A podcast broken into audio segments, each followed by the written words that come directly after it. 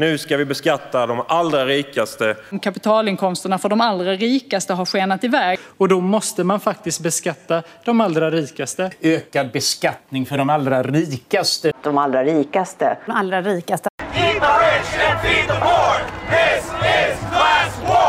De rika är själviska. De rika fuskar. De rika förstör klimatet. Är denna diaboliska framställning av rika människor rimlig? Eller är det en populistisk nidbild med destruktiva konsekvenser för hela samhället?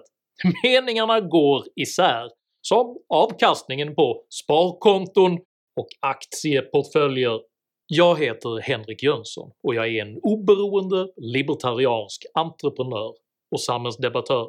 I veckans avsnitt av “Henrik förklarar” diskuterar jag synen på rikedom, varför ekonomi inte är ett nollsummespel och hur hårdare beskattning gör både dig och hela samhället fattigare. Att göra dessa filmer är inte heller något nollsummespel, så om du uppskattar mitt arbete så hjälper du mig att fortsätta göra dem om du stöttar mig via något av betalningsalternativen här ute till vänster. Det är endast tack vare ert frivilliga och generösa stöd som jag kan fortsätta att producera aktuella nya videokrönikor varenda vecka. Så ett stort, stort tack till alla de av er som bidrar. Glöm för övrigt inte att prenumerera både på min kanal och på mitt kostnadsfria veckobrev som finns länkat i videons beskrivning, så missar du garanterat aldrig när jag släpper nya filmer, vilket jag gör med pedagogisk regelbundenhet varenda lördagsmorgon klockan 08.00 svensk tid. Idag talar jag om rikedom, regleringar och resentiment. Häng med!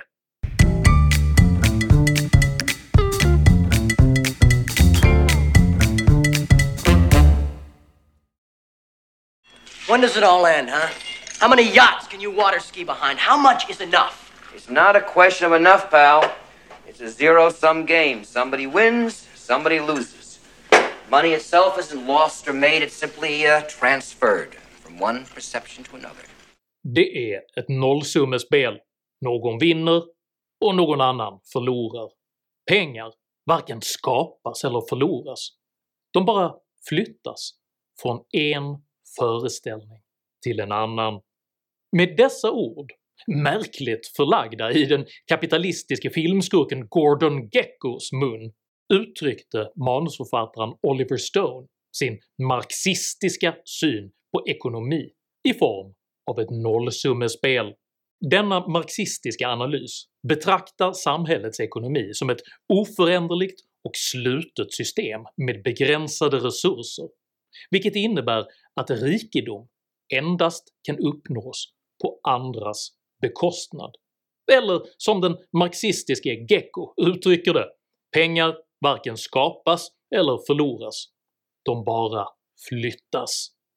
Både Karl Marx och Gordon Gecko har dock fel. Modern ekonomivetenskap har sedan länge visat att ekonomin växer genom effektiviseringar, ny teknologi och uppfinningar, vilka alla ökar produktiviteten och därigenom samhällets sammantagna välstånd. När en person blir rik på till exempel företagande beror detta på att företaget tillhandahåller en produkt eller en tjänst som förbättrar människors liv, vilket i förlängningen ofta även gör dem själva mer effektiva. Även de som i modern tid kritiserar denna tillväxt tenderar att anföra varianter på just nollsummeargumentet. Exempelvis kan jordens ändliga resurser tas som intäkt för att rikedom endast är möjlig på ekosystemets bekostnad. Även denna nollsummeslutsats är felaktig eftersom modern tillväxt i högre grad uppstår genom effektiviseringar och nya idéer än genom råvaruutvinning. När Bill Gates företag Microsoft 1985 introducerade sitt nya operativsystem Windows skapade man exempelvis enorma produktivitetsökningar genom att endast byta ut mjukvaran i redan existerande PC-terminaler. På samma sätt har digitalisering och miniatyrisering gjort att människor världen över kan uträtta mer med mindre resurser. Detta fenomen kallas dematerialisering och beskrevs vetenskapligt 2011 av energiforskaren Chris Goodall. It suggests that economic growth in a mature economy does not necessarily increase the pressure on the world's reserves of natural resources and on its physical environment. An advanced country may be able to decouple economic growth and increasing volumes of material goods consumed. A sustainable economy does not necessarily have to be a no-growth economy. Det är alltså idéer och innovationer som driver västvärldens ekonomiska tillväxt, och den som framgångsrikt lanserar en sådan ny idé blir därför ofta rik, helt utan att någon annan blir fattig. Tvärtom gör allt detta gradvis att hela civilisationen blir rikare. Trots detta är vanföreställningen om ekonomin som ett nollsummespel ännu utbredd, vilket har allvarliga konsekvenser för samhällets verkliga välståndsutveckling. Enligt den tyske historikern Rainer Sittelmans forskning leder nämligen nollsummeföreställningen till angrepp på de rika, vilket i sin tur bromsar den innovationsutveckling som driver hela samhällets tillväxt. Antipatin mot rika människor har under decennier reproducerats av de skattefinansierade public service-bolagen som varenda år slår på stora trumman för den tydligt vänsterinriktade hjälporganisationen Oxfams så kallade ojämlikhetsrapport. 2015 betonades att den rikaste procenten äger för mycket. 2016 var problemet att rika blev rikare. 2017 ökade dessvärre antalet miljardärer. 2018 ägde de rika för mycket. 2019 var ånyo problemet att somliga blev rikare.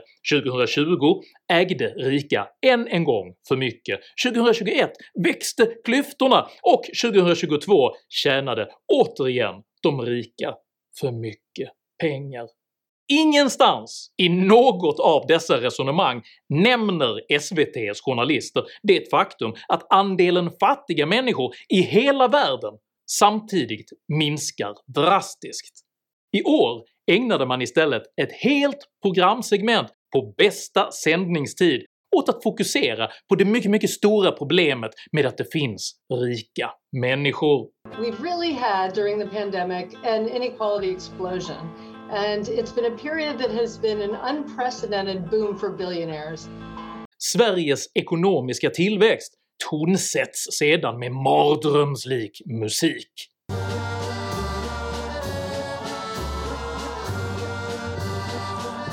Och ändå beskriver även SVT's inkallade ekonom situationen som gynnsam. Ta upp den. Det innebär att eh, vi faktiskt har haft en ganska gynnsam situation för många. Trots detta återför SVT omedelbart fokus till problemet med de rika. De superrika har alltså ökat värdet på sina förmögenheter enormt. Efter detta försöker man, enligt nollsummelogik, felaktigt och upprepade gånger utmåla rikedomstillväxten som ett otillbörligt resultat av statligt stöd som pumpats ut i samhället. Men, men, kan man säga i någon mening att just när de allra rikaste har fördubblat sina förmögenheter, att stöden i någon mening har varit missriktade? En sak som det pekades på här och, och i de här rapporterna det är att de här coronastöden från regeringar och centralbanker har eh, bidragit väldigt mycket till den här förmögenhetsutvecklingen bland de allra rikaste. Världens superrika de borde betala tillbaka en stor del av den här förmögenheten som har uppstått just under pandemin eftersom den har berott så väldigt mycket på offentliga stöd egentligen. Eh, centralbanker och regeringen som har pumpat ut pengar. Föreställningen att Sveriges tillväxt skulle vara ett resultat av statliga stöd saknar all verklighetsförankring. För det första eftersom de värden som skapats är enormt mycket större än alla bidrag som betalas ut, men också för att majoriteten av dessa pengar består av aktiekursuppgångar för bolag som har tillhandahållit bland annat medicinsk utrustning under pandemin. Den inbjudne industrimannen Carl Bennet försöker återkommande och utan framgång förklara detta medan den intervjuande journalisten ständigt återför frågan till “problemet med att ha så mycket pengar”. Om du tittar på min förmögenhet så eh, har den ju skett, eh, den är ju teoretisk. Som jag sa innan, det här är teoretiska värden. Det här är värden i produkter som bland annat räddar liv. Finns det utmaningar så att, säga, att ha så mycket pengar också? Eller hur ska man se på det där? Och att företag som tillhandahåller livräddande produkter går med vinst beskrivs avslutningsvis som att de slumpmässigt och antagligen även orättvist har dragit det längsta strået. Företag som tillhandahåller medicinteknik i en pandemi eh, kommer att kunna, vara, eh, kunna dra, dra det längsta strået. Avslutningsvis återför SVT fokus till Oxfams krav på global rikedomsbeskattning. A billionaire's income tax or a wealth tax that's being discussed globally could generate resources at a significant amount dessa krav på global beskattning beskriver Oxfam sedan i sin rapport som ett försvar mot ekonomiskt våld i ett riggat system som utövas av en rik, mäktig och korrupt elit. Detta är ren resentimentsdriven vänsterpopulism i prime time TV för dina skattepengar.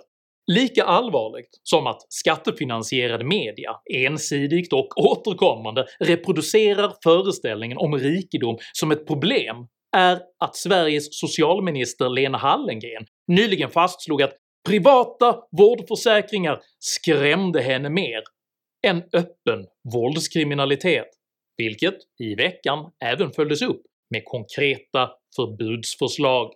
Sveriges socialminister anser det alltså vara ett större problem att människor betalar lite extra pengar för kompletterande vård efter att de redan betalat för den gemensamma vården, än att folk skjuter varandra till döds på öppen gata. Detta är ren resentimentsdriven vänsterpopulism framförd av folkvalda för dina skattepengar. Mindre chockerande är att den generellt resentimentsdrivna opinionsbildningsvänstern uppviglar till förakt av de rika som till exempel när tidningen Arbetets Daniel Svedin våren 2020 skildrade hur så kallade “rika knösar” påstods försöka förvandla sin egen avföring till guld samtidigt som de rusigt bälgade i sig vodka som buteljerats drypande ifrån fotomodellers skälvande silikonstinna behag. Ett mer socialrealistiskt uttryck för samma typ av nollsummeekonomiskt resentiment uttrycktes nyligen av Aftonbladets oefterhärmliga LO-representant Jonna Sima. Sima uttryckte mycket, mycket stor oro över att unga kvinnor har börjat investera i aktier. Detta under förevändningen att det är slöseri när de bästa hjärnorna ägnar sig åt finansmarknaden eftersom Simas egen hjärna ansåg det viktigare att dessa människor skulle skolstrejka ihop med Greta Thunberg. Ingen bör heller förvånas när vänsterpartiets ekonomisk-politiska talesperson Ali Esbati besvarar frågan om huruvida beskattningen av de rika är ekonomisk eller ett självändamål med orden “både och”. För detta är ren resentimentsdriven vänsterpopulism framförd av folkvalda för dina skattepengar. Listan på exempel av denna typ är praktiskt taget oändlig, och det är lätt att avfärda den här typen av utspel som eldfängda bagateller från olika halsstarriga aktivister, men de sammantagna konsekvenserna av nollsummeanalysen, rikedomshatet och beskattningsivern är direkt katastrofala. Att både opinionsbildare, högt uppsatta politiker och skattefinansierad media reproducerar föreställningen att rikedom uppstår på hederligt folks bekostnad skapar förstås fiendeskap gentemot rika. Denna konstruerade fiendskap omvandlar sedan vänstern till stöd för en politik som tillskansar dem själva mer makt på folkets bekostnad. Detta genom att beskatta, reglera och kringskära alla möjligheter till framgång och företagsutveckling. Den socialistiska ambitionen att appropriera de värden man själv inte är kapabel att skapa motsvarar dock att såga ner hela äppelträdgården i hopp om att kunna roffa åt sig några enstaka äpplen. Just detta försökte industrimannen Carl Bennet med en ängels tålamod förklara för SVT's nollsummejournalister. Jag tror inte det är bra att eh, ta in en miljonärskatt. Vi har tidigare haft den typen av skatter som har gjort att investeringar har glidit iväg i icke särskilt produktiva områden. Människor har flyttat sin väg. Jag tycker att det är viktigt att göra Sverige attraktivt för investeringar, för utveckling, för forskning. Det är nämligen angeläget att fråga sig vilka de verkliga konsekvenserna av en marxistiskt motiverad utjämningspolitik faktiskt blir. För vilka organisationer kommer att ta fram vaccin, konstruera respiratorer och tillhandahålla e-handelslösningar om staten konfiskerar de värden som företagen skapar? Ett företags värde är, som Benett återkommande påpekar, teoretiskt. Värdet är en rörlig uppskattning av en levande organisations förmåga att producera vissa typer av resultat. Utan rätt ledarskap, rätt entreprenörskap, rätt satsningar och rätt personal så försvinner verksamhetens värde omedelbart. Du hörde rätt. Värdet försvinner. För ekonomi är inget nollsummespel där företag otillbörligen roffar åt sig andras pengar, vilka sedan kan frigöras genom redistributiva ingrepp eller förstatligande. Jag framlägger detta framgångens försvar i en mycket stor uppförsbacke eftersom rikedom under så många decennier i Sverige har beskrivits som någonting omoraliskt, någonting ohederligt och någonting önskat. Men den verkliga fienden är varken fattig eller rik, utan de människor som är beredda att med nollsummelogik slå sönder samhällets välstånd för att själva få mer makt. Tycker du det är viktigare att uppmuntra tillväxt än att betrakta ekonomin som ett marxistiskt nollsummespel? I så fall tycker jag att du ska dela den här videon med dina vänner, och varför inte prenumerera på min YouTube-kanal när du ändå är i farten. Har du egna exempel på vänsterns nollsummeresonemang? Dela i så fall gärna med dig av dina erfarenheter i kommentarsfältet här nedanför. Jag uppskattar all respektfull kommunikation. Tänk dock på att alltid vara artig, även mot dina meningsmotståndare. Jag accepterar inte aggression, personpåhopp eller rasism i mina idédrivna kommentarsfält. Tack för att du som kommenterar respekterar detta. Jag heter Henrik Jönsson, och jag står på tillväxtens sida mot det marxistiska nollsummespelet. Tack för mig, och tack för att du har lyssnat.